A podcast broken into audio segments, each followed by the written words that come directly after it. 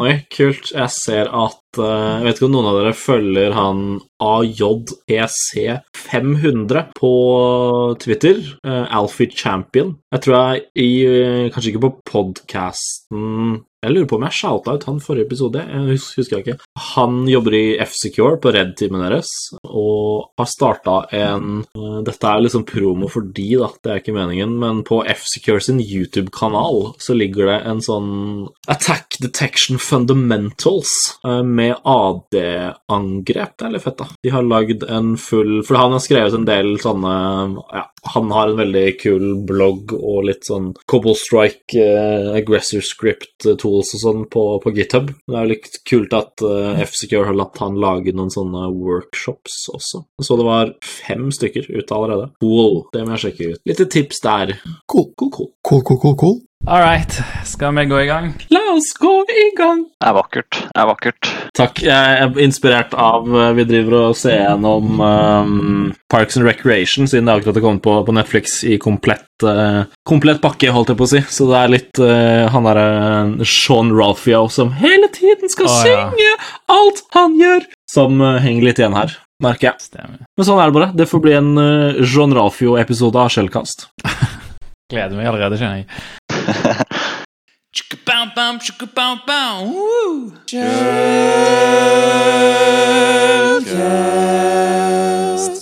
Hei, eh, god påske og velkommen til denne episoden av Shellcast. Eh, Dette er episode 0x1C, eller den 29. episoden vi spiller inn. Jeg heter Vetle, jeg jobber som pentester, og du finner meg på Twitter som at bordplate. Jeg heter Eirik, jobber som penetrasjonstester, og du finner meg på Twitter som 0xsv1. Og, og, og, jeg heter Alexander, og du finner meg på Twitter som uh, Er det en ting? Det er en ting! Og jeg heter Henrik. Du finner meg på Twitter som at existence. Så som vanlig, etter introen vår, så skal jeg plugge kanalen vi har på Norsex sin Discord. Eh, lenke til å joine Discorden Jeg peker nedover, som det ligger i description, men det ligger i shownotes. Eh, når du har joina Discorden, så gå til hashtag information og klikk på mikrofonikonet i rolleposten for å tildele deg rolle, sånn at du får tilgang til Shellcast-kanalene. Skal, skal jeg droppe å bruke så mye lengre tid på det. La oss gå videre til lytterspørsmål. Uh, vi har fått et lytterspørsmål fra en fastlytter som, uh, som henger i discorden vår. Og spørsmålet er hvordan var veien fra sysadmin til pentester på fulltid? Så er det noen som har lyst til å, starte der? Nå er vi vel alle pentestere, faktisk. Eh, eller soon to be, i hvert fall. Ja, det går den veien for oss, eh, for oss hele gjengen. Jeg kan jo begynne på den, siden jeg fikk den på, på direkten av en veldig hyggelig lytter som jeg har eh, snakket litt med. Det er artig og trivelig å få noen sånne samtaler innimellom, og at folk engasjerer seg og kommer med komplimenter og ris og ros.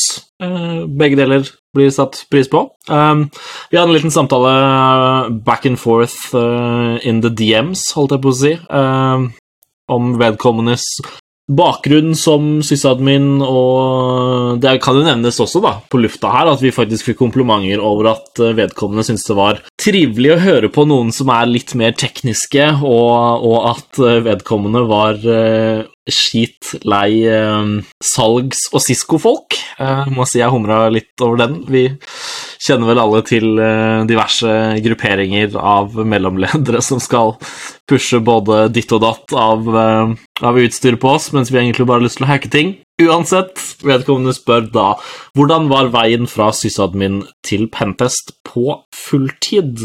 Litt sånn innledningsvis her, eller før vi trykka record, så snakka vi om at vi har jo egentlig snakket om dette i en episode tidligere, hvor vi fikk et lignende lyttespørsmål, men siden det ble spurt igjen, og det er jo sikkert alltid det er noe man glemte å ta med eller å legge til, min reise, som jeg jo har nevnt litt før, IT-konsulent i hva skal man si, tradisjonell IT-konsulentbransje i en seks år cirka. Jobba med forskjellige Apple eh, Først teknisk salg, eh, og så mer og mer SMB og type liksom Mobile Device Management-utrulling i bedrifter av Apple-utstyr fra eh, både Humac og Eplehuset Bedrift uh, way back. Uh, Jobba mer og mer da med utrulling av uh, ja, Apple IOS, MacOS, uh, MacOS server, eh, eller Apple server, også sånn i bedrifter, ble mer og mer interessert i IT-sikkerhet. Hoppa fra en sånn bedrift til en annen sånn bedrift, og begynte å falle inn i YouTube-hullet med masse forskjellig pentesting og sertifiseringer og sånne ting, og ble mer og mer gira på det. Hadde allerede jobba mye med liksom, nettverkssikkerhet og sånn for kunder. Bestemte meg vel egentlig for at det var det jeg hadde lyst til å gjøre. Snakka med daværende arbeidsgiver om at eh, yo, jeg vil begynne med pentesting. Um, og vi holder allerede liksom på med store deler av dette. Er det rom for å vokse og liksom satse litt på det? Det var ikke den bedriften klar for da, og var en veldig liten bedrift. Altså var et startup på sånn i underkant av ti mennesker. Men jeg var set in stone og hadde blod på tann på at det var det jeg hadde lyst til å holde på med, så jeg slutta. Og brukte et halvt år på Certs og lese Husker Jeg ikke hva hun heter, som har den penetration testing eh, Georgia Wise, Wideman. Georgia Wiseman, stemmer. Yes. Allegedly pirate, pirata og lasta ned de VM-ene hennes og alle Hacker Playbook-bøkene og Allegedly. sånne ting. Allegedly. Ja, dundra meg gjennom det før jeg tok eh, to år på Noroff. og Hadde vel satt, sett for meg Altså, det er jo litt sånn i, i, i vår bransje så er det jo en del eh, Og dette kommer til å slappe meg in the face, eh, det, det vet jeg, men det er jo litt sånn elitism med at alle skal ha mastere, og du skal ha ditt og datt mange ganger, og da, i en alder av 27, så var jeg sånn, vet du hva, det gidder jeg ikke. Den raskeste veien til å få betalt for å hacke ting, det var uh, to kjappe år på Noroff. Jeg vurderte en bachelor, men uh, endte, opp i, endte opp med å få jobb som pentester før jeg var ferdig med det. Så, så, ja, eh, jeg tok to år på Noroff og tenkte da ok, jeg prøver å søke etter jobber. Og hvis jeg får napp, så driter jeg i å ta et år til. Eh, Hvis jeg ikke får napp, så stikker jeg til Wales og tar eh, ferdig bacheloren der. Fikk jobb, eh, og holdt på å si sitter her i dag. Kort oppsummert der, så Eller ved siden av skolen så jobba jeg også da to år eh, som incident response, brukersupport, mye AD, nettverk og sånn hos Visolit, som er en MSP, som sikkert de fleste av lytterne våre kjenner til. Gjorde så å si alt mulig der, ble trigga på AD og stuff like that. Tok Certified Red Team Professional, flere, eller to av Elearn Security sine certs. Etter det så har jeg tatt eh, Certified Red Team Operator, eh, Certified Penetration Testing Professional og ja, masse kurs og sånne ting. Um, egentlig bare overgang der var vel egentlig skolen, og så sertifiseringer, egentlig, som, som Alexander plugga litt innledningsvis. Eh, og bare vis til liksom arbeidsgivere og community at du er gira på å få det til. Eh, ta litt search, betal for et par av de selv. Eh, søk på alt og ingenting. Eh, plutselig så er du en god match for Det var det som skjedde meg med min første pentest-jobb, at jeg var en god match sånn personlighetsmessig og tidligere erfaring med det de så etter, og så ville de satse på meg sånn Pentest sikkerhetsmessig, Så ja, det er nå to år siden. Så mitt sånn too long didn't read der er vel bare er du sysadmin i dag og er gira på pentest, begynn å se på certs, gjør hack the box, try hack me. Um, kanskje ta OSCP, Certified Penetration Testing Professional, noen av de, og bare begynn å søke. Det er så tørke, og folk er gira på å basically lære deg opp fra from the get-go hvis du er riktig person. Det viktigste er jo bare å kunne det tekniske og kunne være kreativ med det. Og være villig til å lære det. Ja, jeg kan jo nevne at jeg kommer fra en helt annen bransje. Kommer jo fra prosessindustrien og var der i ti år ca. Der jeg fant ut at jeg ville gjøre ja, karriere Endre litt karrieremuligheter, eller karriere... Hva heter det? Karrierevei. Karrierevei, ja. Jinx, Vetle. Men jeg gjorde ganske mye av det samme som det Eirik sier her. da. Jeg kjøpte, jeg kjøpte boka, da, riktignok. Hei, hei, hei, jeg kjøpte den boka. Den, eh, den har jeg faktisk. Den står i stua, den, til min samboers eh, såpass. store gru. Jeg la til lenke til, til Ad Libris på den i shownotes hvis noen har lyst til å sjekke den ut. Jeg òg leste den boken før jeg begynte som pentester, faktisk. Det var sånn den eneste boken jeg leste for eh, å preppe til OSCP.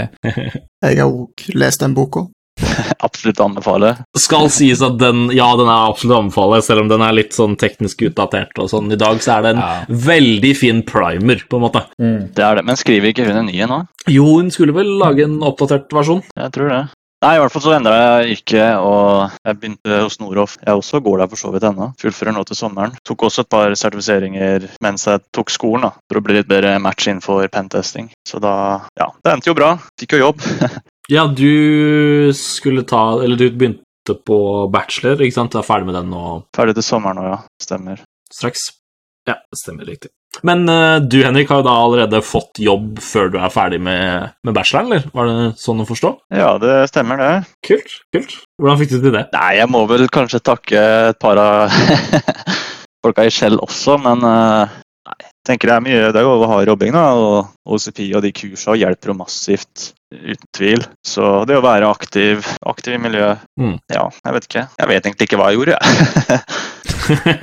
det bare Plutselig skjedde det. da. Gjorde noe rett, i hvert fall. Neida, men det å være aktiv i miljøet vil jeg absolutt anbefale når koronaen er over. og sånn, Å gå og møte opp på konferanser og det som er, og Norsec. Mm. Ja, Det er vel liksom beste kanskje middle grounden man har nå, når, eh, når koronaen fortsatt herjer, og sikkert kommer til å gjøre det en stund til, så finn deg. Altså sånn, Alle kommer jo til å si og liksom boile det ned til finn deg like-minded people som du har lyst til å henge med og kan lære av, og ja, som har de samme målene og sånn som deg. Så bli med på ja, Oslo-sekk og alt sånne ting, og konferanser og stuff når det funker igjen, men liksom selv nå i disse tider, da. eh, vær aktiv på discorder, begynn å snakke med folk, ikke vær redd for å stille spørsmål, liksom. Altså, folk er kjempegira på å hjelpe, og Ja. plutselig så finner du, finner du en buddy, da. Jeg tror det er verre for de som bor utenfor Oslo. Absolutt. Absolutt. Men jeg skjønner ikke hvorfor du har lyst, hvorfor har du lyst til å jobbe med sikkerhet og ikke bo i Oslo. Hallo? Hvem har ikke lyst til å bo i Oslo? Jeg skjønner ikke. Oi, oi, oi! Jeg hører tweetsene her nå. Det går greit, jeg har Stavanger-dialekt, så da kan jeg si det. Jeg har også lyst til å poengtere hack the box, egentlig. For det var et poeng som også arbeidstaker satte veldig pris på. At jeg hadde vært aktiv på eh, CTFs og slike ting. Mm. Mm. Så det er absolutt å anbefale. Jeg tenker jo på en måte at alt dette viser jo altså vilje. Sant? Altså hvis vi, som, som Eirik nevnte, der er jo på en måte tørke, og folk kan være villige til, til å trene folk opp. Og hvis en da på en måte viser at ok, jeg, jeg brenner for dette, jeg har lyst til å jobbe med dette, her har jeg støff jeg har prøvd å gjøre på egen hånd, så kan jo det hjelpe en arbeidsgiver å se det at ja, men du kan være et kort som det er verdt å satse på. Absolutt. Det har jeg hørt mange ganger, så absolutt. Ja, Alexander, din vei ifra og, og, ja, det du gjorde til pentesting. Du har vel vært utvikler og greier? Uh, ikke si det for høyt. ikke, si det for Ok, jeg har vært, jeg har, jeg har vært en veldig usuksessfull PHP-utvikler sånn Bitte litt. Ja, det går bra. Er. Der er jeg òg. Vi har alle vært litt PHP-utvikler en gang i tiden. Dessverre sant. Ja.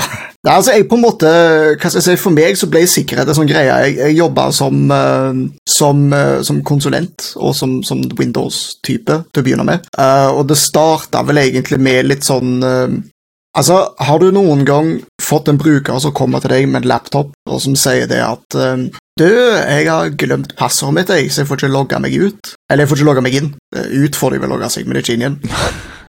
Og så back in the day så var det ofte sånn at hvis du um, Altså når du um, Hvis du ikke var, hadde vært kobla til AD på en liten stund, så fikk du ikke lov å logge deg inn fordi det var det, det, Mm. det ble mye styr. Det ble veldig mye styr. Så basically så ble jeg en del av den uh, Av de som på en måte kunne den uh, sticky keys-exploiten. Uh, altså, hvis dere husker den, den ble jo faktisk ikke patcha før i forfjor, tror jeg. Ja, noe sånt. Ja, er det patcha? Ja, det er patcha nå. Uh, Den funker fortsatt med Eller en, en lignende variant i hvert fall funker med um, Åh, nå glemmer jeg hva den greia heter, men uh, Ja, det, yeah, accessibility Tools uh, XE-filen, sant? ja, basically. Um, Ja. Pokker er det de heter en av de som Jeg fikk en promo fra de i går, at de hadde pusha ut en ny versjon. Um, der! Conboot, selvfølgelig. Uh, lead 80, TheLead82.com produserer jo Conboot, uh, og slapp ny versjon av Conboot i går. Den, den bruker jo den stikkekeys basically til å poppe en konsoll også. Altså etter at den har patcha da,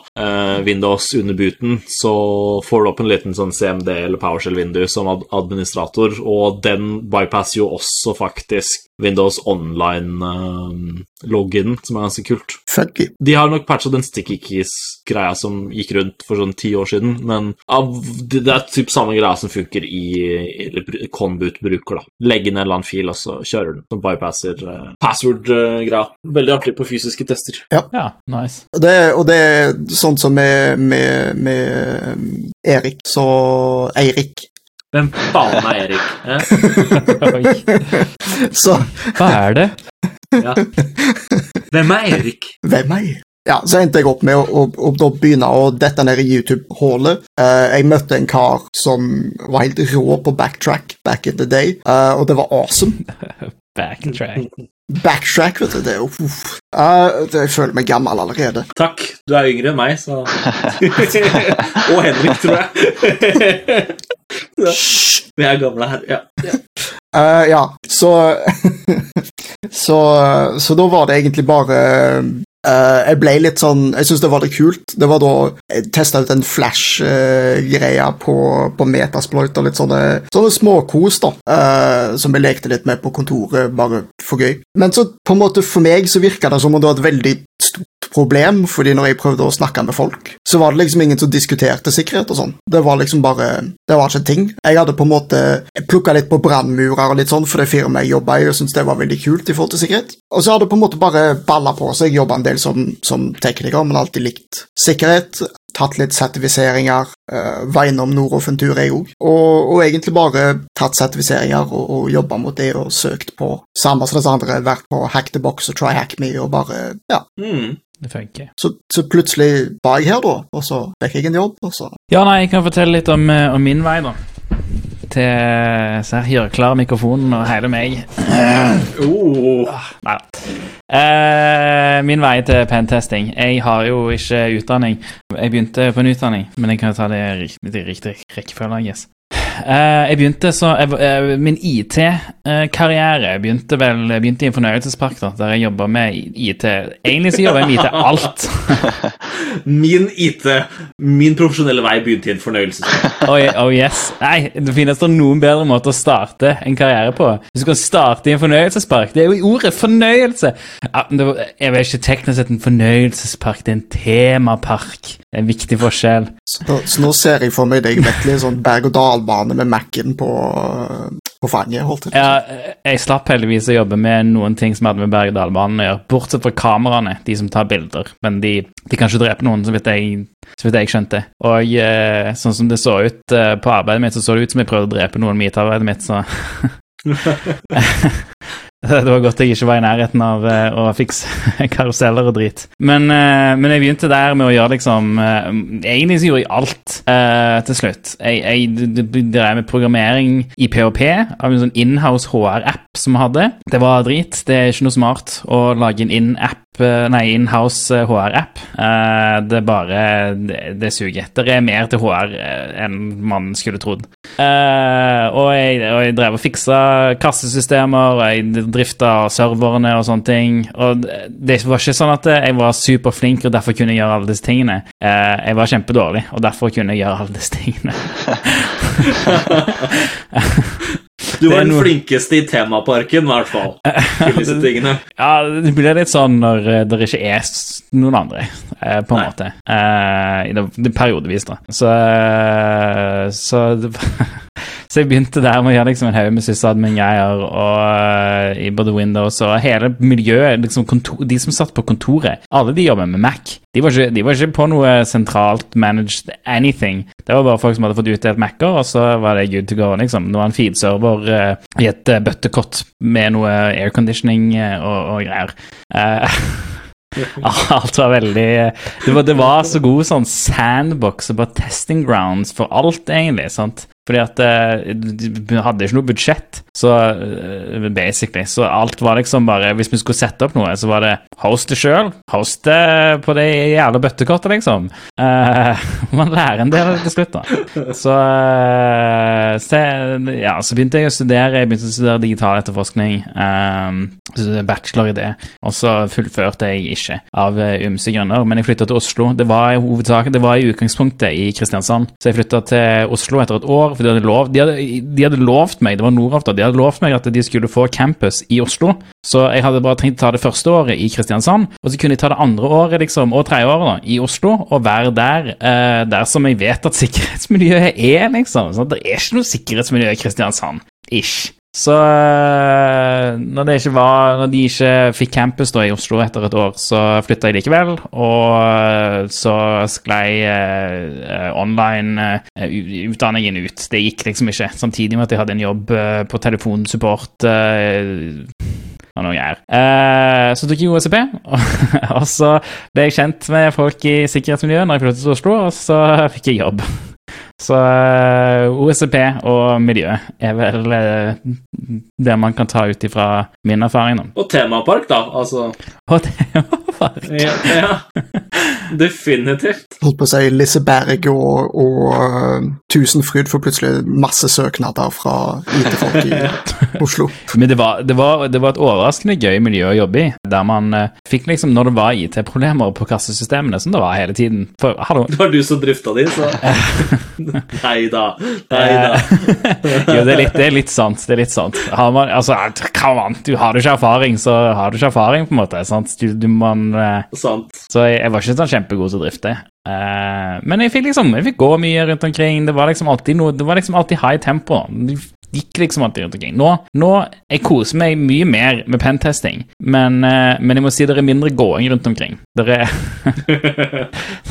det er liksom til kjøkkenet for å hente kaffe. Gjøre mer fysiske oppdrag. Ja, ja, det var det, da. Så det har sin sjarm, det å jobbe, i, eh, jobbe som IT i temapark òg. Absolutt. Jeg ble veldig nysgjerrig på temaet, men eh, det er vel ganske identifiserende, så vi Ja, det gjør jo ikke noe. Det- Temaet var bjørner, tror jeg, eller bamser. Tror jeg. Jeg vet jo. Jeg, jeg husker ikke om det var bamser eller bjørn som var Åh, Det er jo bare å se på LinkedIn-profilen min, så ser du hvor jeg jobber. Det er sant. Det Er sant.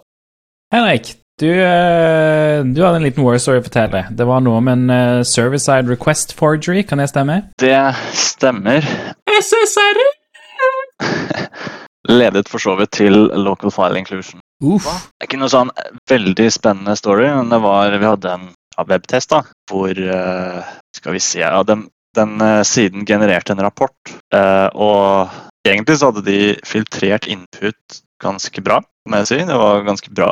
Fant liksom ikke noe stort ellers. Eh, men det var jo ren data, var basert rett i databasen, kan du si. Så når da den her rapporten ble generert, så ble jo den dataen injekta direkte inn der. Da, og det var jo en HTML til PDF-parser, så hvis vi skrev inn en iframe f.eks., så Mm. ble jo den parsa som en iframe. Når vi gjorde det da, så hadde vi jo rett og slett en uh, server-side request forgery. Den iframen ga en callback til serveren vår. Så når vi så det, så tok vi og redirecta på serveren vår, så satte vi opp en redirekt redirect, PHP-fil. Bare redirecta tilbake til en lokal fil på systemet deres. Og da var det også local file inclusion. da. Ja, kult. Det kan jo være ganske alvorlig veldig fort. Ja, når du har dem i kombinasjon òg, så er det jo ganske, Ikke sant? Ja. ganske dødelig. Eller dødelig er det kanskje ikke, men det er i hvert fall farlig. ja, den er fin. Fikk dere leke noe mer med den, eller måtte dere stoppe der? Ble det, ble det et skjell? Det var litt begrensa hva vi egentlig kunne gjøre der. Sånn hva vi Mm. fikk lov til, da, kan du si. Så leka ikke så veldig mye med den. Testa litt, grann. Laga noe proof of concept for en uh, Javascript board scanner, annet. Så vi kunne skanne interne porter, da. Så Hva mer gjorde vi?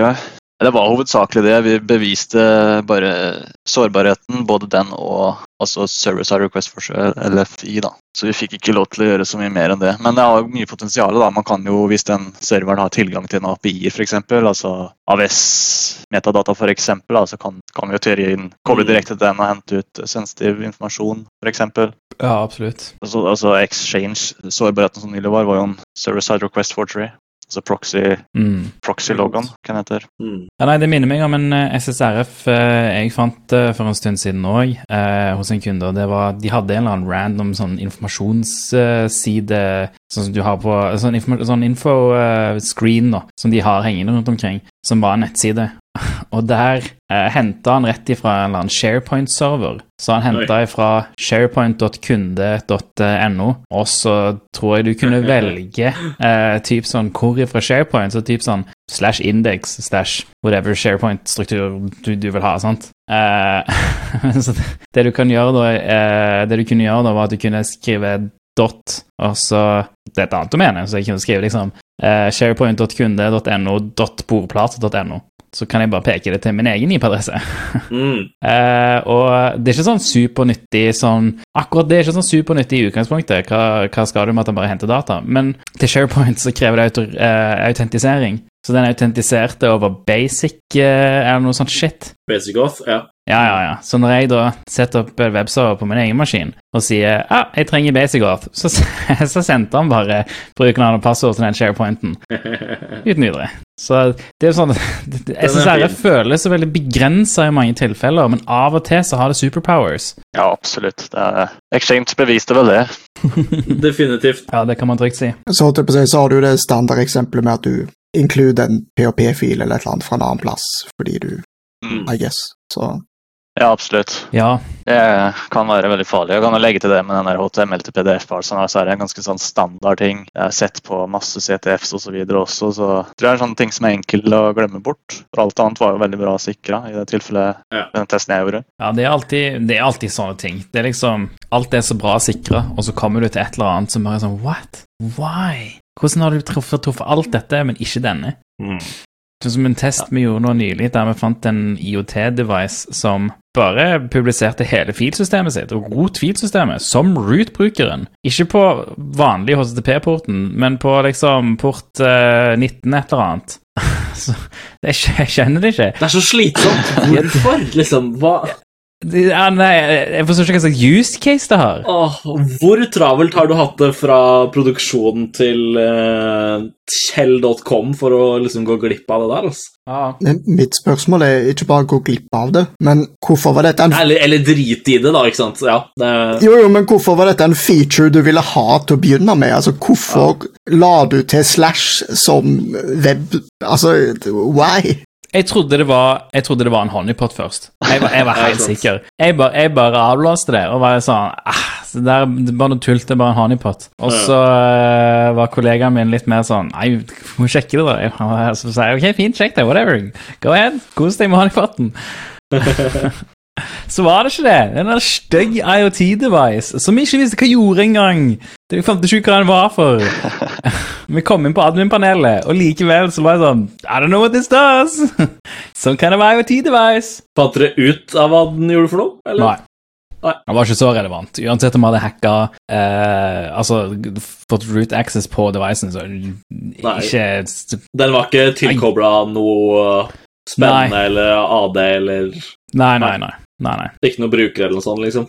Nei, Ingen brukere. Jeg tror ikke han hadde noe støtte for noen brukere, faktisk. Det var bare root-brukeren. Ja, I Password-filen var liksom så kort òg. Det var bare Ja. root-brukeren. Uh, det var derfor jeg var sikker på at det var, var noe kødd. For det, Ja. det var ingenting i, i password-filen. Det viser seg at eh, basically dere hadde, hadde dere brutt dere inn i lokalene, så hadde dere hatt gratis kaffe resten av livet, basically, som rotbrukeren på en IoT-device. Ja, Dispense coffee brackets. ja ikke sant.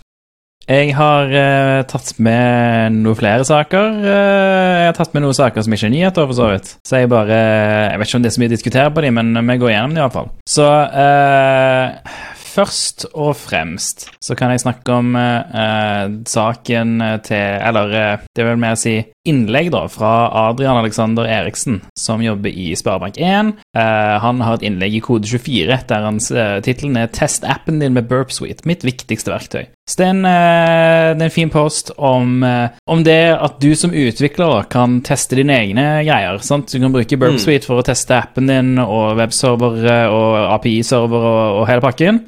Uh, og hvordan det kan være gøy, og litt hva man gjør, da. Hva, hva skal du se etter, og hva, hvordan skal du gjøre det. Eh, det er et kort eh, innlegg, men jeg tror uh, veldig bra innlegg. Uh, eller jeg syns det er et bra innlegg. om, uh, om hvordan man kan gjøre litt sjøl. Altså, du må ikke ha pentestere for å penteste liksom alt. Du, det er mye du kan gjøre sjøl òg. Og ikke bare fordi at det er viktig, men også fordi at det er gøy. Hovedsakelig fordi at det er gøy. Det er gøy å teste. Det er en grunn til at vi jobber med det. Sant? Fordi at vi syns det er gøy å drive med disse tingene. Og jeg tror egentlig folk som er utviklere òg syns at det er gøy. De syns det er gøy å skrive kode eh, og manipulere datamaskiner til å gjøre det du vil med koden din. Så tror jeg du syns det er eh, minst like gøy å manipulere eh, datamaskinen med random inputs. og det er det pentesting er, basically. Er det her den uh, artikkelen som uh, Hvor det var snakk om at uh, man trenger ikke å ha Eller sikkerhet er ikke forbeholdt de med, eller oss med sikkerhet i tittelen, eller noe sånt? Er det den artikkelen der det er snakk om? Stemmer, stemmer, stemmer. Riktig. Ja, den var fin. Den var fin. Absolutt. God, god lesing. Anbefaler den. Det ligger i shownotes. Check it out. Check it out. Check it out! Men, eh, men dette er en ting jeg tror er veldig viktig, for dette secure coding og de tingene der har jo vært Altså, når vi kommer inn eh, Jeg tror jeg så en sånn der kalkyle på det, eller noe sånt, men, men når vi som har sikkerhet i tittel, kommer inn, så er det jo snakk om at det koster tre ganger så mye å fikse en ting enn hvis en kan fikse det i når en bygger appen. Så hvis på en måte eh, kodere begynner å leke litt med ting og begynner å kose seg, så kan det jo være at det kan, en kan få litt kultur som sikrer ting, sånn at vi slipper å finne teite ting når vi tester. Ja, det kan jo egentlig oppsummeres med better safe Ja, than det sorry. Det er vel en genial debugging-metode uansett. er det ikke? Jo, jo. Jo, Hvis, jeg, jeg mener jo bastant at hvis du har en Altså, det mer sikker du har en app, det mer stabil er appen. Bare som et følge av at du har tatt hensyn hensyn til all slags mulig random uh, ting som kan skje. Helt enig. helt enig. Gjør sikkerhetstesting før appen er uh, i prod. Ja. ja. Vær så snill. Hilsen penetrasjonstester. Opp ned smilefjes. Signert resten av oss. Ja. Eh, så eh, Roy Solberg har eh, blogga om en eh, idor hos eh, Bring. Eh, en såkalt eh, indirect Nei, hva er det det står for? Indirect object reference. jo, indirect object reference, ja. Ja. Men hæ, er det det det er? Er det ikke en Insecure det- direct object reference. Det er vel det det er. Ah, det var med meg. Insecure direct object reference. Det gir meg mening. Der, ja. Yes. Så Roy Solberg har blogga om en idor hos eh, Bring, eller en såkalt insecure direct object reference, eh, som, eh, som er interessant å lese. Roy Solberg eh, poster ofte ting han finner. Det, og bugs i, i norske tjenester. eh, mye bugs i norske tjenester, og, og sånt noe. Jeg anbefaler dere å ta en titt. Det òg ligger i shownotes. Det skal ikke røpe for mye av, eh, av det. Men det, det er interessant, og det er ikke så dypt teknisk heller, så det skal være tilgjengelig for alle til å lese. Så kjør på, les det. Idor er jo også da Det er jo verdt å nevne at uh, sånne type feil er jo en av de mest klassiske feilene man finner i uh, AppSec-type og webapp-tester. Og spille tilbake igjen på den uh, andre, eller før her. Så mange liksom idor-feil som man finner hvis man tester en gjennomsnittlig app før den har blitt testa et par ganger, så det er jo definitivt ting som veldig ofte er Eller ofte er veldig banalt og enkelt å finne. Det er liksom snakk om å endre variabelen eh, Eller page er lik liksom 59 til 60, og så får du en annen brukers data eller et annet dokument du ikke skal ha tilgang til, og sånn, ikke sant? Så det er, det er ofte såpass enkle ting som gjerne burde vært funnet av utviklere, da, og ofte kan ja, plukkes opp i den prosessen hvis man tester tidligere. Helt klart, Noen ganger så har jeg jo funnet at ja. man kan Man har ikke lov til å endre det i URL-en, men så er det f.eks. put eller post request, og så er den ID-en også i body partner. Der får du lov til å endre den, men ikke i Ja. URL-en. Eller motsatt, eventuelt. Det Skal ikke være lett å være utvikler. Les artikkel, lær om idoors. Lær om iDoors, Ja, absolutt. Eh, moving on. Uh, jeg har uh, jeg, vil, jeg vil egentlig lese opp en kommentar ifra som uh, at Nick Trav på Twitter skriver er in the bowels of the Go source code for X509 validation. Så X509 validation er er sikkert mye, men det er en del inni der som heter key usage. Det er noe flagg i key usage-flagg som er liksom typ sånn Hva skal du bruke dette sertifikatet eller denne nøkkelen for? da? Skal du bruke den til å signere kode? Skal du bruke den til å signere e-post? Skal du bruke den til å signere Skal du bruke den til å kryptere? Skal du, sånn, alt slags mulig sånne ting. Key usage. Hva skal du bruke keyen til? sant? Og jeg har drevet generert Jeg har generert nøkler til VPN-drit som jeg har satt opp sjøl, som jeg ikke har skjønt hva det jævla key usage-greiene er for. Uh, og uh, det er lett å fucke opp, i hvert fall. Uh, er vel litt av poenget. Men så det som er morsomt her, da Jeg skal lese opp hele kommentaren. Det er en lang, lang kommentar midt i koden eh, som, som oppsummerer litt egentlig frustrasjoner rundt key usage, da. Men eh, så her står det Key usage flag eh, Key usage status flags are ignored. From engineering security, Peter Gutman. A European government CA marked its signing certificates as being valid for encryption only, but no one noticed. Another European CA marked its signature keys as not being valid for signatures. A different CA marked its own trusted root certificate as being invalid for certificate signing. Another national CA distributed a certificate to be used to, to encrypt data for the uh, uh, country's tax authority that was marked as only being usable for digital signatures but not for encryption. Yet another CA reversed the order of the bit flags in the key usage due to confusion over encoding endianness, essentially setting a random key usage in certificates that it issued. Another CA created a self invalidating certificate by adding a certificate policy statement stipulating that the certificate had to be used strictly as specified in the key usage and a key usage containing a flag indicating that the RSA encryption key could only be used for Diffie-Hellman key agreement. det er hele kommentaren. Mye, mye eksempler der på folk som ikke har peiling på key usage eh, i XP09-validering. Åh, jeg syns det, var- det var gull. Hvis du ikke forstår, eh, eller hvis du ikke hørte alt, eh, så, så ligger òg selvfølgelig det i shownotes. Ja, Det minner meg egentlig litt om, eh, om på en måte programmer, håper si programmere sin frustrasjon over, over sikkerhetsmekanismer, er at det er ikke alltid ting funker helt sånn som de skal, og det er ikke alltid en helt vet hvordan ting skal settes opp, og så bruker en bare et bibliotek, og så tikker en bare litt bokser, og så Ja, nei, altså, jeg har generert sertifikater og dritt som jeg bruker for meg sjøl, og jeg bruker, jeg bruker Keychain. Eh, Keychain til Apple, eh, altså Keychain-applikasjonen, har mulighet for å generere sertifikater, CA og hele pakken. Jeg bruker bare den. Kom, det er liksom ikke bare ett sted der er key usage, det er flere steder. Så du, liksom, du definerer key usage ett sted, og så går du videre, så er det sånn Har jeg ikke allerede definert dette? Og så er det for noe annet, men det er samme option, så jeg, jeg skjønner at folk er forvirra på dette key usage-greiene. Spesielt når det er så mange som bare Altså så mange apper som bare er litt sånn ah, Fuck it. Og så tillater de random stuff som egentlig ikke burde ha validert seg nå. sant? Det er det vanskelig å vite, så jeg skjønner det jo litt. Det artige her er jo at når liksom certificate authorities rundt omkring i verden skrur det opp på den måten her, liksom Ja, ja. De som definitivt skal ha styring på hvordan sånt fungerer. Ah, det er gøy. da. Humor. Humor. Humor. Eh, da er vi over på eh, ukens nyheter. Vi har aldri kalt det, aldri kalt det ukens nyheter før, så jeg tror ikke vi skal begynne. Men eh, det er ukens nyheter. Så i, først ser vi til Ubiquity.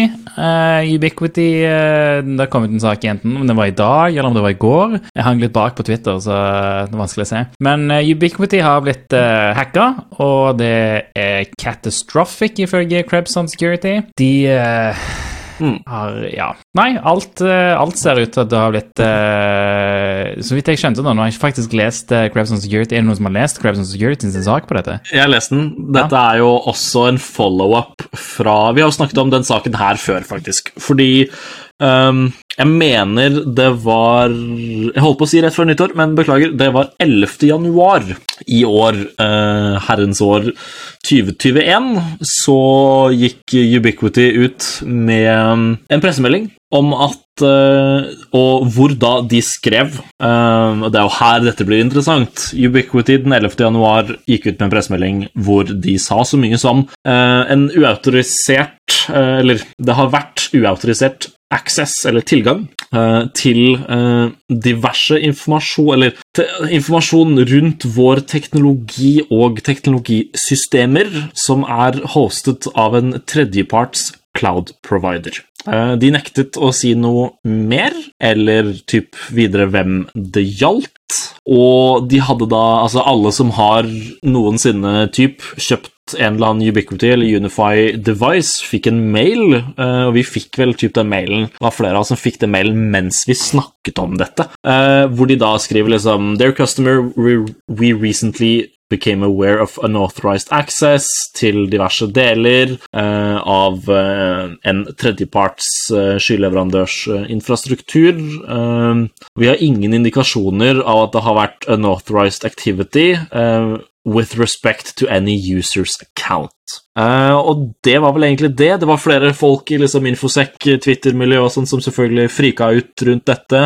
Mye på grunn av det at Ubiquity eller Unify-devicene har en sånn central managed cloud-løsning, uh, hvor for eksempel hvis du jobber som konsulent, og jobber som Ubiquity eller Unify-konsulent, eh, og driver et lite selskap, så, eller lite eller stort, og du har kunder som du har satt opp Ubiquity-utstyr for, så kan du remotely manage det over internett. Helt ned på liksom uh, site-nivå. Alle devicene og, og, sånne ting. Og det var da mange som tenkte at oi, shit, det her er jo potensielt ganske bad uh, hvis folk har fått tilgang eksternt inn på folks nettverksutstyr. Uh, og det er jo en direkte nettverksutstyr det er snakk om her, men Ubiquity feide det under teppet og sa at nei, vi har ingen indikasjoner på noe sånt. Uh, det var hos denne tredjepartsaktøren, men bytt passord. Det kan være lurt. Og sett på tofaktor authentication. Og det var vel egentlig det, til det nå da i går, eller for to dager siden, eh, ble lekket fra en whistleblower i Ubiquity, eh, som jeg forstår det, at dette egentlig eh, var ekstremt mye verre, eller katastrofisk, som Krebs on Security sier. Og det som skal ha skjedd her, da, og dette er jo allegedly fram til eller inntil videre, men det har da blitt lekket at Ubiquity bokstavelig talt feide under teppet, og at det er snakk om full read-write access til Ubiquity-databaser på AVS, og at det er en basically root level administrator i Ubiquitys IT-team som her har blitt fisha eller hacka eller ja, en eller annen form. Eh, de, de, de, har fått tak i hans last pass, basically, med da full, hans jobb-last pass, med full tilgang til alle Ubiquity sine systemer, og via der fått tilgang til hele AVS-en deres, hvor da alt av Ubiquity sine databaser og systemer eh, ligger, og skal da ha hatt muligheten til å få tilgang til alle kunders utstyr, hvis du har skrudd på denne cloud management-løsningen, som du blir pusha ganske kraftig på når du setter opp eh, Jeg mener det er en opt-out-funksjon når du setter opp Ja, det er det. Ja, ikke sant. Det er en opt-out-funksjon når du setter opp uh, ditt uh, Ubiquity-utstyr for første gang. Mindre det har noe med den cloud-keyen å gjøre, da. Så det er jo mildt sagt ganske Ja. ja. Men uansett, hvis du Jeg hadde Jeg tok en refresh av mitt uh, Ubiquity-utstyr her hjemme for noen uker siden, og jeg husker da i hvert fall at jeg måtte ha opt-out ut av det. Opt ut av det. Ja, hvis har Unify-controlleren. Ja, stemmer. stemmer. Når du installerer Unify-controlleren, så må du det. Ja. Hmm. Så her er det jo relativt interessant da, at uh, de har hatt uh, Det står her at de har hatt root administrator access to all Ubiquity AVS accounts, inkluderende da S3 databuckets, alle applikasjonsloggene, alle databaser, alle user database credentials, alle secrets som er required for å forge SSO-cookies, ergo full tilgang til alle Ubiquity, altså potensielt full tilgang til alle Ubiquitys kunder, da, som har denne funksjonen på. Og det er jo, Jeg vet, ikke hva jeg skal si til at eh, de da allegedly har prøvd å feie dette under teppet for å unngå eh, å få en hit på, på, aksjene sine, sånn at Stocksen ikke skulle droppe. Så når de sier at, uh, det, det, at det var en, hos en tredjepart, så mener de AVS? Ja. AVS, uh, deres AVS-tenant ble compromised. Så hvis Ok, det er, jo, det er jo en lærdom å ta, da. Det var ikke så dumt. Ja. Hvis, hvis hele cloud-infrastrukturen din ble hacka, bare si at det var som en tredjepart. Ja, vi ser jo tredjepart.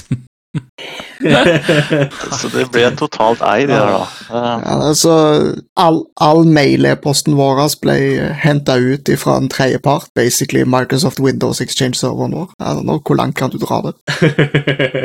Men uh, står det noe om oi, oi, oi. hvordan har det her gått med selskapet etterpå? Har de gjort noe tiltak? det har de sikkert. Det står det ikke så veldig mye om i den artikkelen der, i hvert fall. Jeg vet ikke om de har prøvd å play it down igjen, men uh... Ja, det er ikke sant. Ubiquity had negligent logging. Ja. Altså parentes no access logging on databases, so it was unable to prove or disprove what they accessed, but the attacker targeted the credentials to the databases and created Linux mm. instances with networking connectivity to said databases. Så de lagde nye instances i AVS for å få tilgang.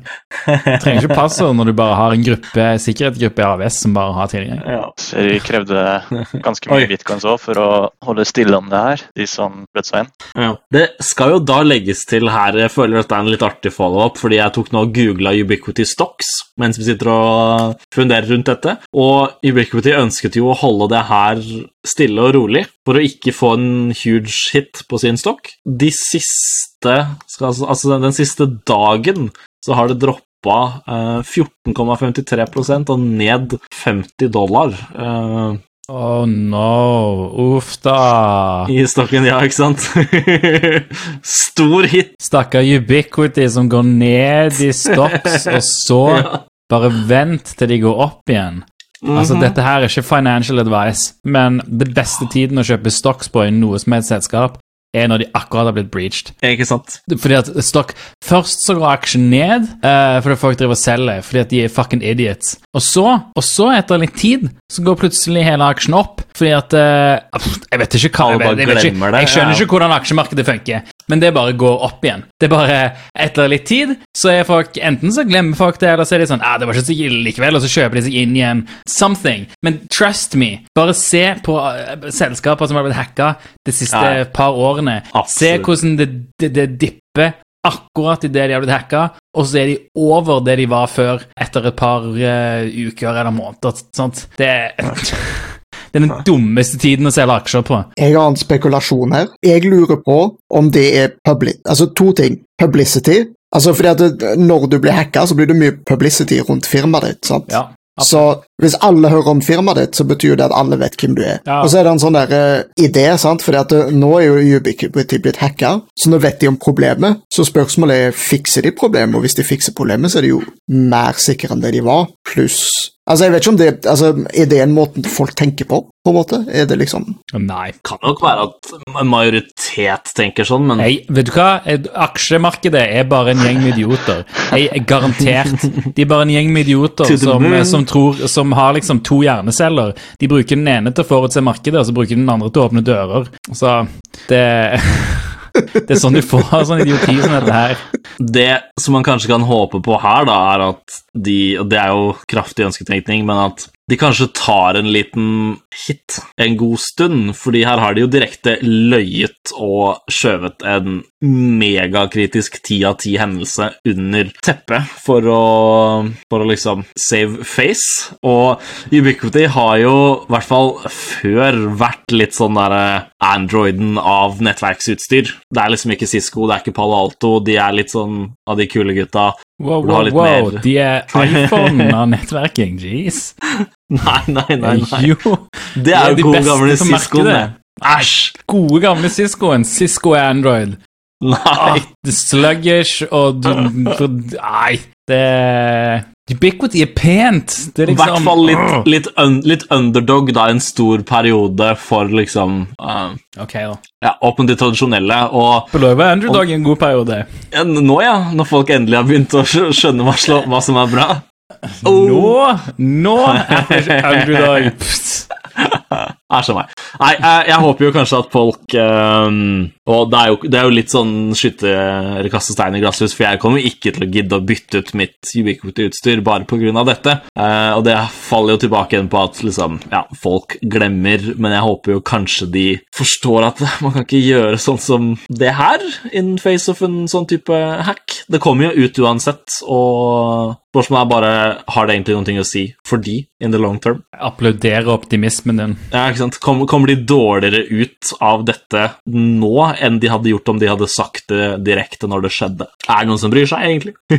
sånn overall? Aldri. Er vi blitt helt immune mot at selskapet lyver oss i trynet når uh, tingene deres blir hacka, og de bare Nei, det var ikke så farlig, det var oss, en tredjepartsleverandør. Ja, nei, Vi visste alltid at selskapene alltid løy, men uh, nå må vi face den ubehagelige sannheten og se at de lyver til oss. Og så fortsetter vi å ignorere det, selvfølgelig. Ikke sant? Ja. You know. Jo, men det er jo det som er spørsmålet. Hvis, hvis vi vet at alle firmaene lyger, og de nå lyger, så gjør de jo egentlig bare det vi forventer. Ergo er vi blitt så vant til at selskapene lyger at vi ikke bryr oss. Altså, er dette en sånn 4D business strategy, der bare alle firmaene har begynt å lyge for å lære oss at ja, ja, men alle firmaer lyger, og så blir det en sånn greie? Jeg tror jeg bare kjøper meg en ny Switch. Ja. Jeg bare bestiller meg en ny Ubiquity-switch nå, tror jeg.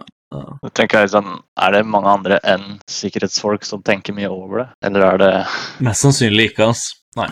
Uh, ja, jeg tror folk eh, som ikke er sikkerhetsfolk òg tenker på sikkerheten når de ser man ser jo sånne ting som dette her. Man får det jo med seg, uansett om man er i sikkerhet eller ei. Og jeg vet at folk bryr seg. Folk bryr seg jo om sikkerhet. Det er bare at det, det, er vanskelig Det er glemt om tre uker, ikke sant. Så når du da går inn på komplett og ser nettverksutstyr, så er det sånn Å, oh, den var fin! Har sånn fancy blå ring. Jeg kjøper den, jeg. jeg tror, jo, men jeg, jeg, jeg, tror absolutt det går inn på folk mer enn uh, en det virker som. Det er bare at uh, det, det, det, er vanskelig å forstå at folk bryr seg om sikkerhet når de gjør så dumme ting. Jeg tror bare ikke de forstår helt hvor dypt sikkerhet må gå til tider. Mm. Eh, sånn at, altså at, folk ikke bruker passordmanagere og sånne ting. De, de, man skjønner liksom ikke de direkte konsekvensene av det, selv om det er absolutt direkte konsekvenser av at du ikke bruker passordmanager. Passordstuffing er er kjempenyttig, sant. Uh, og det er ikke det at ikke folk bryr seg, det er bare at man tenker 'jeg gjør nok allerede'. Og jeg tror eh, det går mye likt ut mot liksom når selskaper òg blir owna, så ser de oi, shit, de ble hacka. Men òg, you know, når det er så mange selskaper som blir hacka nå, så virker det som det nesten er inevitable. Uh, og det er jo det vi sier òg, at alt kan bli hacka. Du må bare bruke lang nok tid. Så, uh, så det, jeg, jeg ser for meg òg at for folk som ikke er IT-folk, ikke er sikkerhetsfolk, når de ser det, så, så, legger de merke til at det har skjedd, uh, og man unnskylder gjerne den første gangen og gjerne den andre gangen. Hvis det fortsetter å hende, så er jeg sikker på at det har et, et negativt utslag på, på salgene dine. da. Her kan vi vel egentlig bare konkludere med at jeg kommer jo ikke til å ta noe de kommer ut med neste gang de blir eh, eid som uh, som en sannhet. De kommer nok til å ha litt sånn stigma i sikkerhetscommunity med at yeah, sure, uh, neste gang noe skulle skje med de. Mm, absolutt. Helt klart. Det, det, skal mye til for at hvis de blir eid en gang til, at de, uh, at jeg, velger å kjøpe nytt Ubiquity-utstyr. Jeg kommer jo litt tilbake til, til, den der som vi har snakket om mange ganger, da, med å være Dette er jo helt det motsatte av det å være åpen om en breach. Her har du jo direkte liksom downplaya og, og løyet om det å faktisk bli bridga. Ja. Og ikke bare gå ut med det og bare Shit, folkens, det her skjedde. We're sorry. Uh, vi jobber med det, liksom. Mer info kommer når vi har mer info eller er modne nok til å snakke om det, men her har de jo liksom faktisk sagt at nei, det var hos en tredjepartsleverandør. LOL. Bytt passord. to faktorer, liksom. Ferdig. Så ja, nei. Ikke så mye tillit til de uh, lenger, kan man vel si. Right, så neste segment her, så hadde jeg lyst til å nevne en, Det ble en sånn type follow-up for det René sa forrige uke, når vi snakket om steder og Eller folk, eller sider å følge. Uh, Infosec-miljøet og Infosec Twitter, så mener jeg René nevnte The Defear Report på Twitter. Uh, de har da også en nettside som er thedefearreport.com, uh, så Digital Forensics Report Com.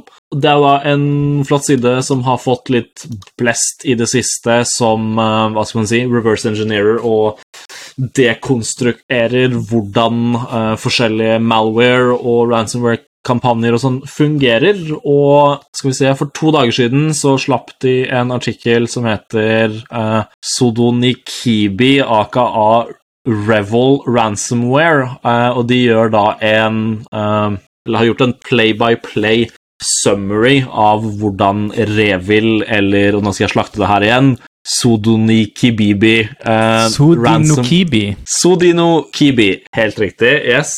Ransomeren fungerer, um, og dette er jo da en av de mest kjente ransomware as a service-gruppene som har sprunget opp rundt omkring i verden, hvor de er det et profesjonelt selskap eh, som leverer ransomware-tjenester til mindre grupper, som kan få kjøpe deres tjeneste med full customer support, money back-garantier osv. Og, så og her har de da tatt seg tiden til å gå gjennom hele liksom, play by play om hvordan uh, de stort sett hvordan gruppen gjør det, hva slags tools de bruker, hva slags um, ja, metodikker, rammeverk og sånn. Og den, jeg skal ikke gå for dypt gjennom den her, for den blir veldig fort veldig teknisk, men du har liksom timelinen med initial compromise, med iced ID execution på, på en host, callback til uh, altså deres initial access uh, malware, eller framework,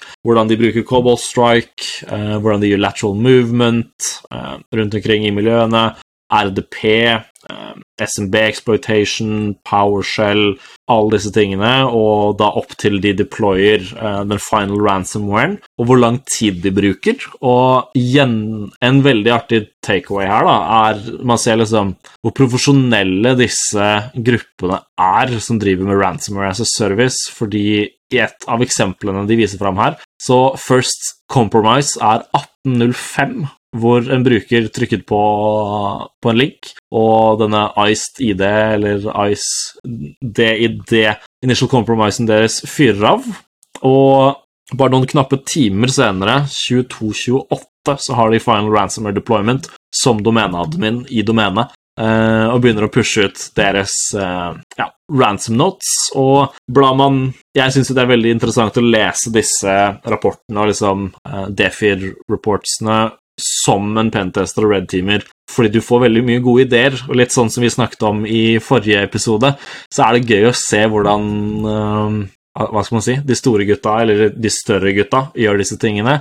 Eh, men det er også gøy å se at de faktisk bruker de samme tingene som vi gjør på en veldig kontrollert Altså, vi bruker det på en veldig kontrollert måte, men de gjør jo faktisk eksakt de samme tingene ute, ute hos uh, sine kunder, holdt jeg på å si. Eller sine kunders mål. sine kunders mål, i hvert fall. Uh, så ja, artig artikkel, og det går veldig dypt til verks med uh, indicators of compromise her. Basically full kode på enkelte ting, hvordan det kjører, hva du skal se etter. Det er også detections her. De går gjennom Cobalt Strike-profiler, hashene du skal se etter, domener Ja, basically play by play fra hvordan et compromise skjer av Revil til du får en ransom note. så ja, God lesning, anbefales. Kult å se på fra både den røde og den blå siden. Ja, det er kult, da. Det, ja, det var thedefirreport.com. DFIR Report. Riktig. Det ligger òg i shownotes, selvfølgelig. Ligger i shownotes! Ops-ops! Obos sendte ut uh, 218 000 e-postvedlegg med fullt fødselsnummer i filnavnet. Har du lyst til å forklare mer her, eh, Eirik, siden du la Nei, det er Alexander som skal forklare. Ah, ja, okay. Så da går vi videre til en case fra, fra Digd.no, der uh, Obos endte opp med å sende ut uh, 218 e-post ved Nei, vent litt. 218 000 e-postvedlegg med fullt fødselsnummer i filnavnet. Uh, og mottakerne har nå krevd uh, 31 337 kroner i erstatning, og truer da med, med gruppesøksmål. Um, og eh, hva skal jeg si? Det er jo um, fullt fødselsnummer i filnavn. Come on! Det må jo være noe, noe, noe, eh, noe autogenerert eller noe sånt, men i saken så står det at det er en, en menneskelig feil. Så det skulle sendes ut 22 000 e-poster, men noen av disse ble sendt til juridiske eiere. Altså det vil si boligselskapene i seg sjøl, men ikke Har jeg skjønt det feil nå?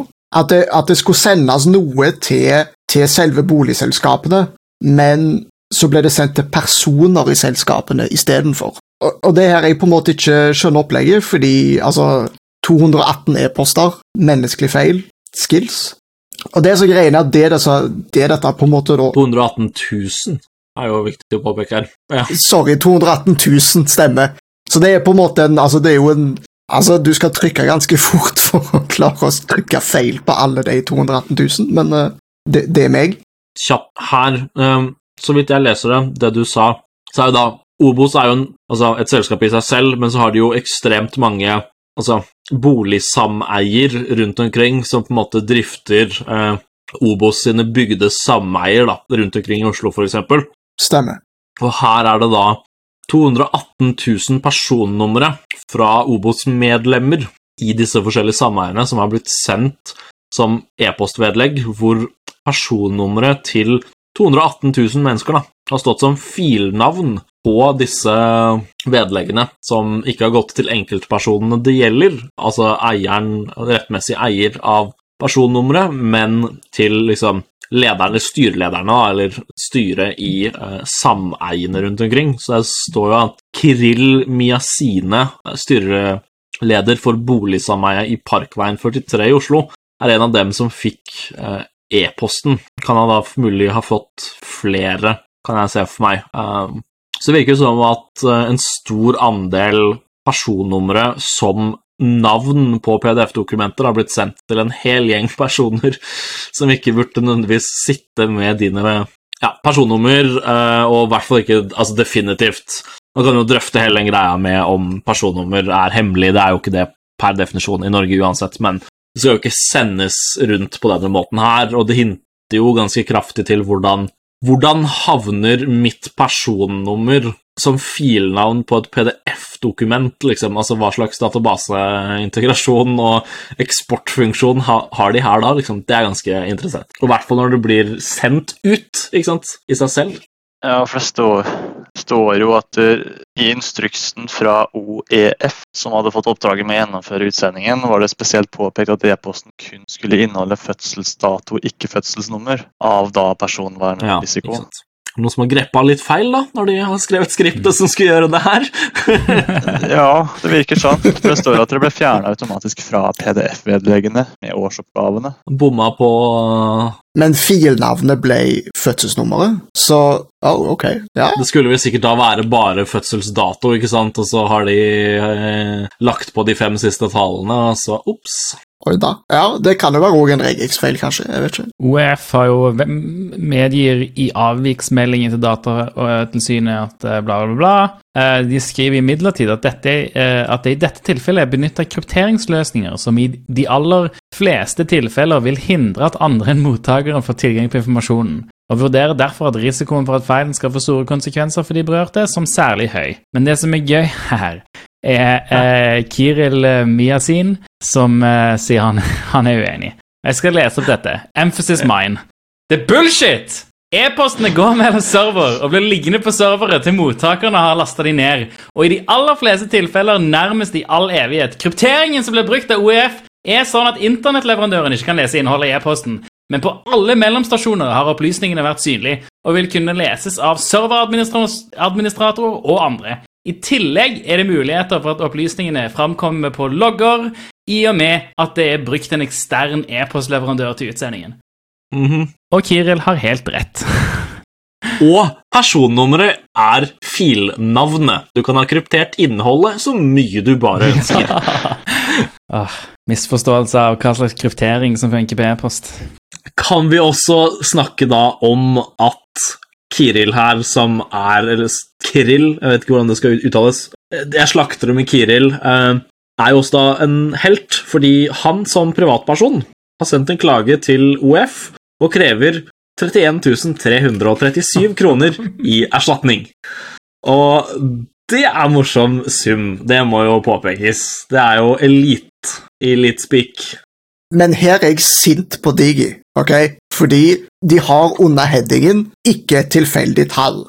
De 31 337 kronene uh, Kirill, Kirill uh, nå krever i erstatning fra Obos eiendomsforvaltning, er ikke tilfeldig valgt. Ja, som du sa, sant? fordi det er lit. 31337 og 1337 er velkjente tall for gamere! Gamere! Altså, det Nei! Hackere! Ikke Come on, guys! Nei, nei her, må jeg, her, må sette, her, må jeg, sette, deg på plass. Og her er sikkert noen eldre folk som takker meg for dette, men Elite og Elite, skrevet på den måten der, stammer jo tilbake igjen fra gode gamle CS-kulturen, hvor det var en karakter som faktisk het Elite, skrevet sånn som dette. Oh. oh really? Så det er jo gamers, ikke sant? Jeg trodde det var Doom. Det er mulig det kommer før det igjen også. Nå blir jeg ja. sikkert også irettesatt av noen enda eldre lyttere, men det husker jeg så godt uh, på terroristlaget i 1-1 eller 1-2 eller hva det var.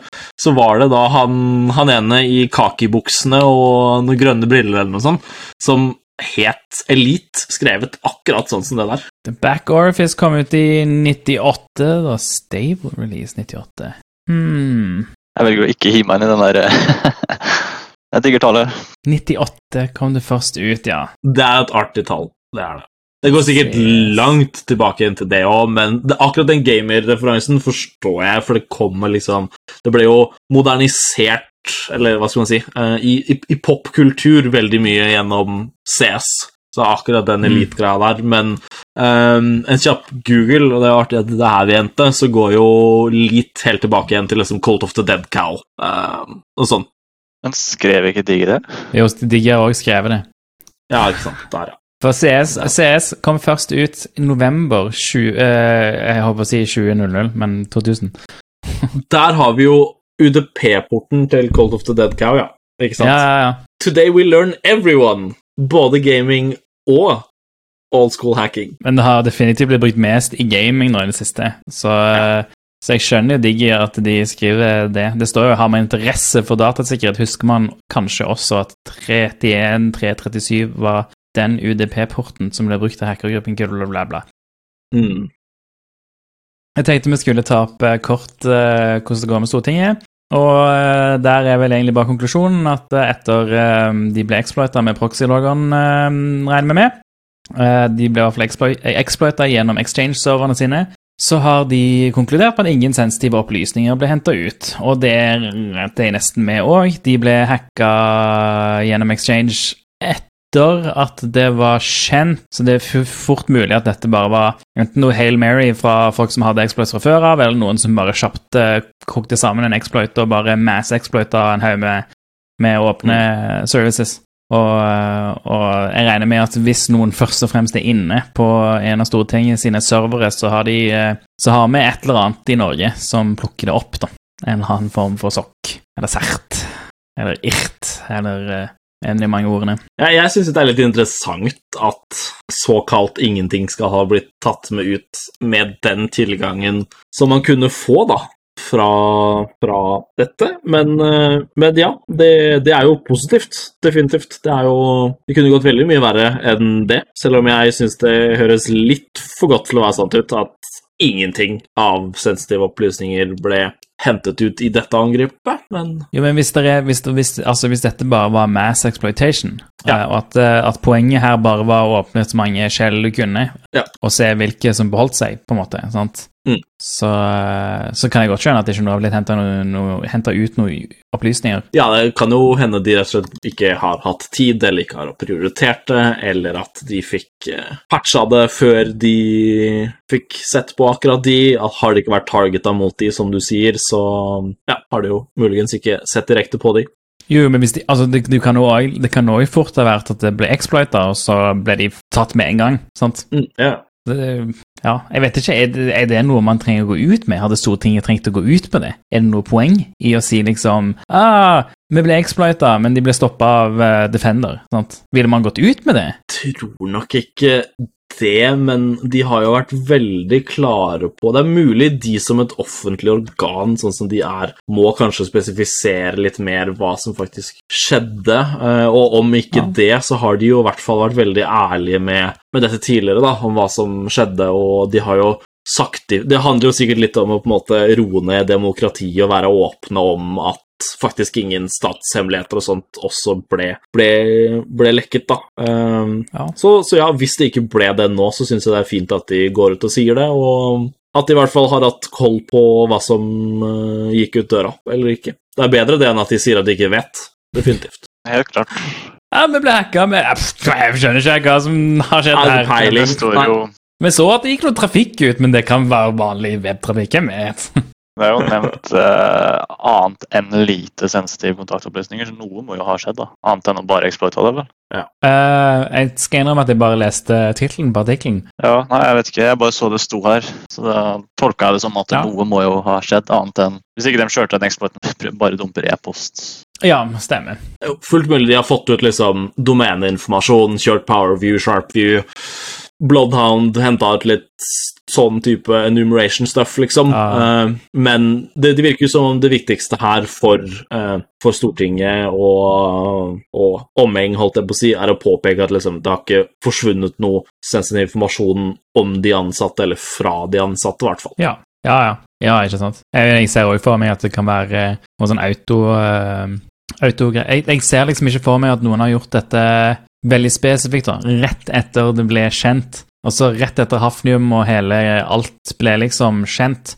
Hvis du som APT-gruppe Jeg tror ikke det første du gjør, er å liksom uh, er, er å gå etter Stortinget i Norge, på en måte. Du går jo heller Altså, du, du, du i, I mitt hode, da, så, er, så sitter man og bare mass exploiter så mye man kan. Hvis du har noe autoskript som gjør noe etter det, så er det fair om det kjører liksom Bloodhound eller, eh, eller hva det gjør, om det bare henter ut noe enkel info, om det henter ut info om exchange-serveren Alt det greiene der, det kan jeg se for meg. Men, eh, men jeg, jeg, ser for meg at man har, man har, viktigere ting å bedrive med enn å hacke Stortinget eh, når eh, zero-dayene du aktivt bruker, eh, plutselig blir brent. da. Det er jo et veldig interessant mål da, for utenlandsk etterretning, det må man jo legge til. Og det er jo lignende, lignende etater de har gått for i, i USA og, og, og, andre land, uh, men som, som, hva skal man si uh, Godtroende nordmenn, så er det vel fint for oss å tenke at vi ikke er like interessante som andre,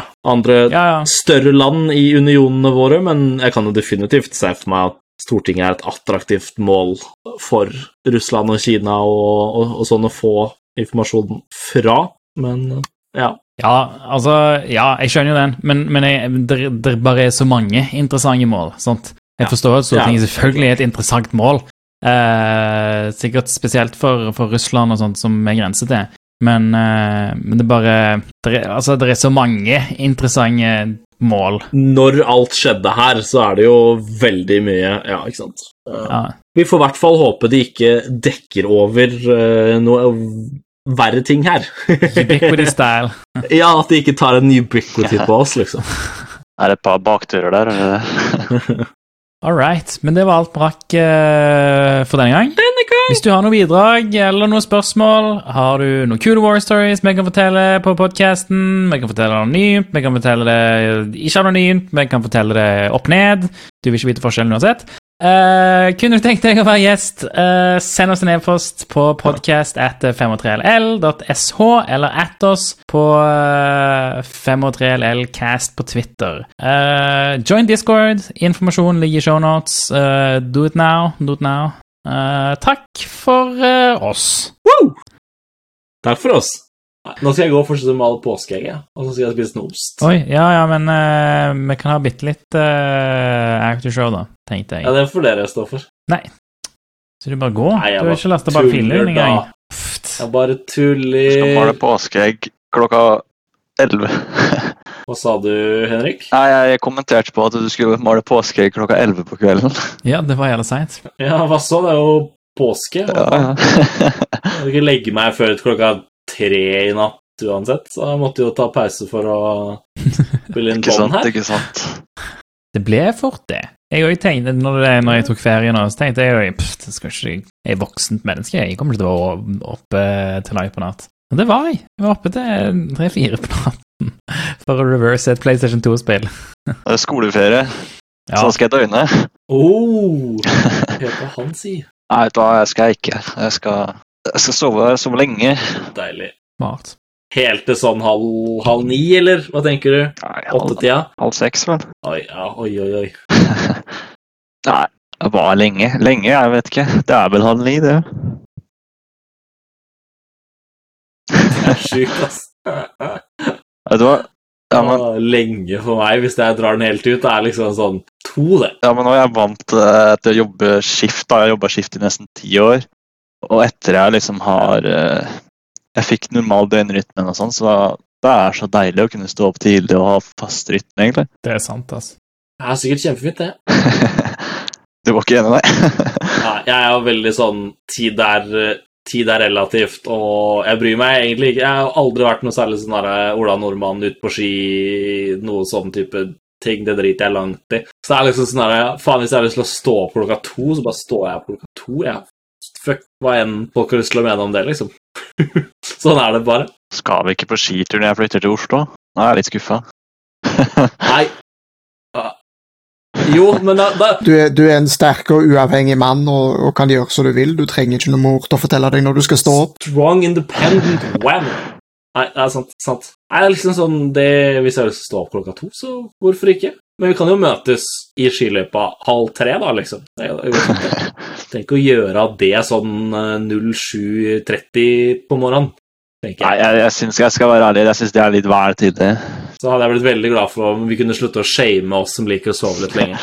B-mennesker er en stor prosentandel av uh, samfunnet, faktisk. Alle er B-mennesker. Det er bare andre mennesker som liker å torturere seg mer enn de liker å være komfortable. Sant. Dere er B-mennesker og selvskading. Yes. There you go. Ok, ok, ok. Música